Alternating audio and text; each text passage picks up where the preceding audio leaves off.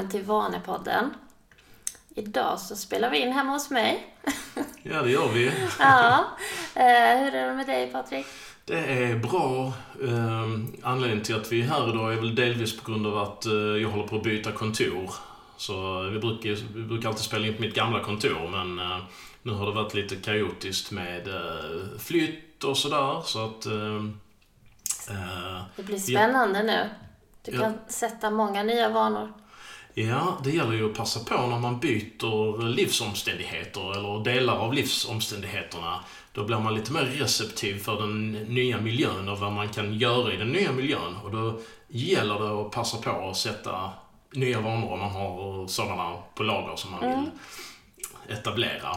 Men också behålla dem du faktiskt tyckte om. Exakt, exakt. Och anpassa dem till den nya miljön. Så att eh, det, det har jag planerat. Ja, det är spännande. Cykla till jobbet till exempel. Blir en ny vana. Ja. Är det närmare nu än tidigare? Det är lite närmare, men eh, fortfarande 22 kil- kilometer. Så att eh, det blir... Ja, det är en bit. Det är en bit. Ja, men vad ska vi prata om idag? Idag ska vi prata om vad man kan göra när någon av ens vanor känns meningslös. Okej, vad kan man göra då? Ja, ehm, det finns ju en rad saker man kan göra. Om eh, man kommer i den situationen då att eh, man har en vana och den känns inte ett dugg stimulerande. Den känns eh, tråkig, jobbig, eh, inte belönande eh, och, och ger kanske inte, man ser inte resultatet. Det känns meningslöst att ägna sig åt den här vanan. Mm. Eh, Då skulle första steget kunna vara att tänka så här. Varför har jag den här vanan eh, från början? Varför börjar jag med den här vanan? Vilket livsområde är den tänkt att hjälpa? Är det en hälsovana? Är det en ekonomisk vana? Är det en eh, eh, familjevana? Vad är, vad, är den, vad är den tänkt att, att, att ge? Och då kan man börja fundera på då, känns det här livsområdet angeläget fortfarande? Mm. Är det någonting man faktiskt vill förändra? Mm. Eller är det någonting som kanske har löst sig själv eller där andra omständigheter har gjort att, att det inte känns så angeläget längre? Um, och eh, om det då är så att uh, det inte längre är en, liksom att, att vanan inte behöver ge något resultat längre. Då kanske man inte behöver ha kvar vanan helt enkelt. För mission accomplished. Ja, så kan det vara. Det är ju många faktorer som kan spela in där. Det kanske är en helt felaktig vana också som man har satt från början för att uppnå det målet man vill ha, det livsområdet man vill uppfylla. Mm. Om, om, om man fortfarande då eh, känner att man vill ändra på livsområdet, man, vill, eh, man, man har målsättningar inom det området. Precis. Men eh, så det är ju många olika bitar där, precis som du nämner. Mm. Och, och om det då är så att man, eh, ska vi ta något exempel, om, om, man, eh, om det är en, eh, ska vi säga en hälsovana, promenera till bussen på morgonen. Ja, man kan kanske uppleva att det inte ger någon eh, långsiktigt resultat. Mm. Ehm, och, och det, ja, precis. Det känns inte att det funkar, men man, man känner fortfarande att hälsa är jätteviktigt. Men eh, just med vanor så finns det ju, alltså vill man fortfarande utveckla det om man har börjat promenera till, till bussen så, men man märker kanske ingen större förändring i livet så kanske man behöver lägga på fler, eh, fler hälsosamma vanor där också. Mm. Eh, det är en sak men det är ju så mycket annat också som inverkar i livet. Alltså en sak man kan säga om det exemplet är ju att, att ofta så, så är det ju bra att fortsätta ändå. Därför att liksom det kan, just att promenera till bussen, det kan ha eh, många hälsoeffekter som man inte känner av. Man kanske har, har fått mycket bättre kondition under eh, tiden man har haft den vanan, kanske då tillsammans med andra eh, konditionsträningspass och så, som har gjort att man mm, man har fått hälsoeffekter. Då känner man kanske inte att just den här promenaden gör så stor skillnad. Men den kan verka i det för, fördolda liksom. Ja. Samma sak som att ta trapporna istället för hissen och Mm. alltså små saker som ändå inverkar i livet. Mm, det kan ha stor effekt. Men det kan ändå vara så att man kanske känner att eh, det, det kanske känns meningslös. Eh, och då om man då fortfarande är hälsomedveten och, och liksom tycker att det är ett viktigt område, då ehm, eh, kanske man behöver fundera på lite effektivare hälsovanor som man kan använda antingen istället för att promenera till bussen eller i kombination med det, liksom, för, för att det ska ge mer effekt. Precis. För man kanske har fått in vanan då att promenera och då behöver man kanske höja ribban lite grann Mm. för att få mer effekt. Precis. Kan man eh, gå snabbare, välja en annan väg där det finns brantare uppförbackar så att pulsen går upp mer så man får högre stimulans liksom för, på konditionen. Precis, kliva av en station innan så det blir längre också. Exakt. Så det finns ju olika sätt man kan gå tillväga. Exakt. Och då, eh, och då kan man förbättra då hälsoområdet effektivare om man gör de här förändringarna. Liksom, så man modifierar vanan. Och eh, då kanske man får något bättre kondition, man får mer energi och plötsligt så eh, gör man större framsteg på det här livsområdet. Man kanske rent av kan springa en liten bit av den här promenaden. Liksom. Absolut. Eh, Men du nämnde också där i början att ibland kanske man eh, tycker att det är svårt också. Mm. Att det känns eh, meningslöst för att det kanske är för, för stort, tänker jag då också. Vi hade ju ett helt avsnitt om att felsöka och det kanske är så att man behöver sänka ribban också. Mm. Om, om eh, det blir ett stort motstånd. Mm, absolut. Det kan det vara. Eh, att, att det kan vara en vana som, eh, som känns väldigt krävande. Och om man då inte är beredd att om man då inte har som vana, eller har som vana, vana, vana i vanan, Ja. om man inte har liksom en, en, en strategi att man är beredd att göra det lättare när man känner ett motstånd och man känner en meningslöshet så eh, eh, kan det vara en bra förändring att göra. Att man liksom formulerar någon typ av light-version av vanan. Precis, för att man får ju absolut inte missa heller att det kan ju också bero på eh, någonting som man har missat där i, själva vanebildningen. Man kanske inte har någon belöning. Mm. Och det behöver man ju kanske ha för att vanan ska också kännas belönande och meningsfull. Mm, man Så- kanske inte tänkt igenom det. Nej. Så det är många bitar som eh, inverkar egentligen. Men just det där som du sa, vill man ha kvar den här vanan i livet? Är det någonting som, som man vill ha? Mm. Om man eh, flyttar, du, du ska byta arbetsplats nu, alltså lokaler. Och då kanske det finns vanor som du har haft på din gamla som du inte vill ha på ditt nya ställe. Mm. För det, det är helt andra, annan kontext och det funkar kanske inte där. Mm. Och då är det kanske meningslöst att etablera den vanan på den nya arbetsplatsen. Exakt. Så- Och det, och det är alltid bra att man går liksom tillbaks till det här stadiet som vi har pratat om också i tidigare avsnitt. Alltså när man, när man tittar på livsområdet, när man tittar på målen man har. Eh, vilka vanor känns lättast och är samtidigt effektiva på att nå de här målen? Eh, Och kanske är det så att någonting har ändrat sig då i, i livsmiljön som du säger, som gör att den vanan som nu plötsligt känns meningslös, den kanske inte är den bästa längre. Nej, Utan man behöver gå tillbaka till planeringsstadiet och, och fråga sig vilken vana gör jobbet lättast och effektivast? precis. Och då kanske det är en helt annan vana man egentligen ska eh, försöka etablera in i livet. Mm, och byta ut den gamla helt enkelt. Och jag vet inte, jag tänker att det kan vara en bra idé att göra en sån här vanerevision lite då och då. Absolut. Det tycker jag också att det, det är väldigt viktigt att se över. Eh, bara under det året vi höll på, mina vanor såg ju inte likadana ut efter ett år. Nej. Utan man hade ju korrigerat dem lite grann och gjort dem mer effektiva och förändrat dem lite.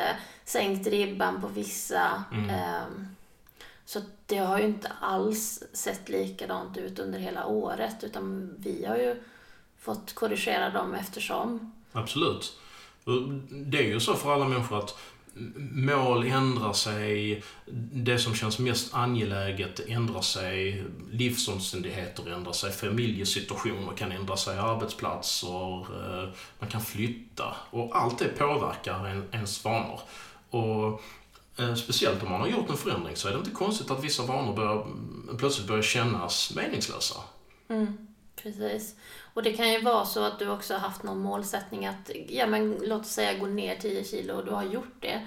Eh, och helt plötsligt så vill du ju bara ha liksom en stabilitet. Och har du inte då tänkt som det vi pratade i förra avsnittet, 10% metoden, Mm. där du i sådana fall bara skulle kunna ta bort de 10 extra procenten.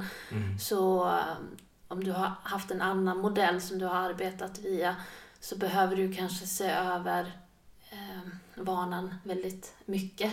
Mm. Hur, hur stabiliserar jag nu den här vikten, kosten, träningen så att man inte går ner något mer? Precis. Och, Men en, liksom en annan version av, eh, av vanan liksom för, att, eh, för att bibehålla.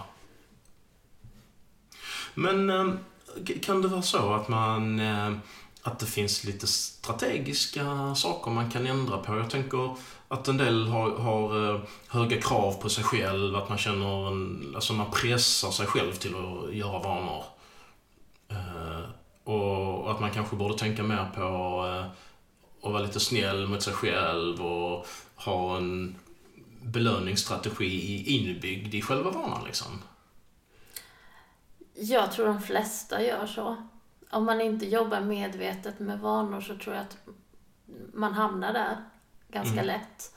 Eh, och att man, man har det där press och krav och dåligt samvete, det gör ju att det känns väldigt negativt om man kanske inte vill göra den här vanan. Mm. Eh, Det kan ju också vara så att men det kommer utifrån egentligen, ja men du behöver göra så, alla gör så, eller att media säger en sak, att man ska vara på ett sätt. Mm.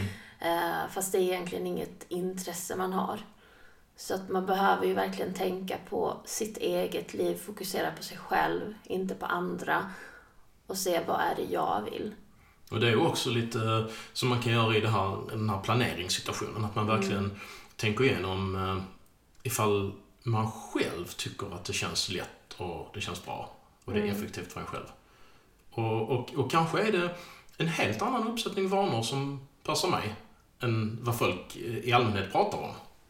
Ja, jag har ju nämnt tidigare också att ja, men när jag satte mig där första dagen när vi började med detta och skrev ner min lista på 10-20 vanor så var ju det oftast, det var ju jättestora grejer, alltså livssaker. Det var ju inte så som det blev sen när man väl började förändra små detaljer i livet, små vanor. Eh, Så blev det ju att man jobbar här och nu, man jobbar inte med något som ligger ett år framåt i tiden utan vad kan jag förändra här och nu för att detta ska bli av? Mm. Och att börja träna, det är ju många olika vanor som vi har varit inne på tidigare. Så att eh, vad du än ska förändra så är det ju små, små delar, små steg man måste ta. Mm, precis. Och jag tror det är viktigt också att man försöker tänka att eh, alla de här små vanorna man gör, helst så ska det kännas bra under tiden man gör dem. Ja, precis. För att du ska göra det för att du ska må bättre, för att ditt liv ska bli bättre. Det ska ju absolut inte vara negativt. Då kommer det inte bli av och du Nej. kommer inte må bra av det. Det som man mår bra av, det vill man ju göra igen. Precis. Och det man mår dåligt av, det vill man inte göra igen. Mm. Och, och kan man då hitta liksom aspekter av själva utförandet av vanan som, eh, som känns bra, där man har positiva känslor liksom. Så, eh, så ökar man chansen att det blir av och, och kanske känslan av meningslöshet försvinner. Så hi- hitta belönande aspekter under tiden man gör det liksom. Absolut. Och bara sen vi började arbeta med det här så upptäcker ju jag nya saker i mitt liv hela tiden. Man stöter på hinder, man stöter på saker som, ja men det här behöver man tänka igenom och förändra. Mm. Så att alla har ju, även om man arbetar som vi gör med vanor, så finns det ju hela tiden saker i livet som behöver ses över. Och man kan förändra. Mm, precis.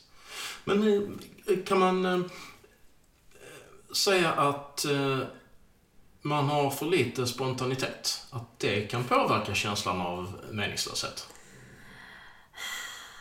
För Du suckar. ja, det blev en djup suck där. För lite spontanitet. Ja, då ställer jag väl återigen den där frågan. Vad gör man när man är spontan? Mm. Ja, den har du hört förut från, mig. För att jag upplever många gånger att folk säger att de, de vill vara spontana och sen många gånger hamnar de ju i soffan istället för att göra det där äh, Mm. som man egentligen kanske vill göra. Man, med man, sin är, lediga tid. man, man, man är inte aktiv för att få till spontana handlingar liksom. Men för mig så är det ju oftast ganska krävande en spontan handling. För att, ja men kanske, ja men ska du då på middag hos några vänner till exempel så behöver du ju fixa dig själv, du behöver planera lite grejer. Ehm, ska du åka iväg och, låt oss säga, bada i en Mm. annan ort så behöver du, alltså alla de här bitarna kräver ju ändå en del planering. Mm. I alla fall för mig. att alla saker ska komma med och att man ska komma dit och ja. Det finns, så olika, mm, det finns många olika moment. Och då tänker jag, ja men de är ju jätteroliga. För min del blir de ju mer av om jag planerar in dem än om de är spontana. Absolut. Och, och jag vet du, du är väldigt duktig på det och du, du liksom lyckas eh, få in, eh, eh, alltså planera de här sakerna och ändå ha kvar känslan av eh, eh, spontanitet när du väl är ute och att, att det, känns, eh, det känns bra liksom. Sen, sen brukar jag alltid se till att minst en dag i veckan är fri. Mm. Eh, för att göra spontana saker. Jag vet förra två veckor sedan så fick jag och min dotter som var här och då fick vi två biljetter till Mamma Mia i Malmö, musikalen. Mm. Och det var också så här tre timmar innan det började så fick vi biljetterna.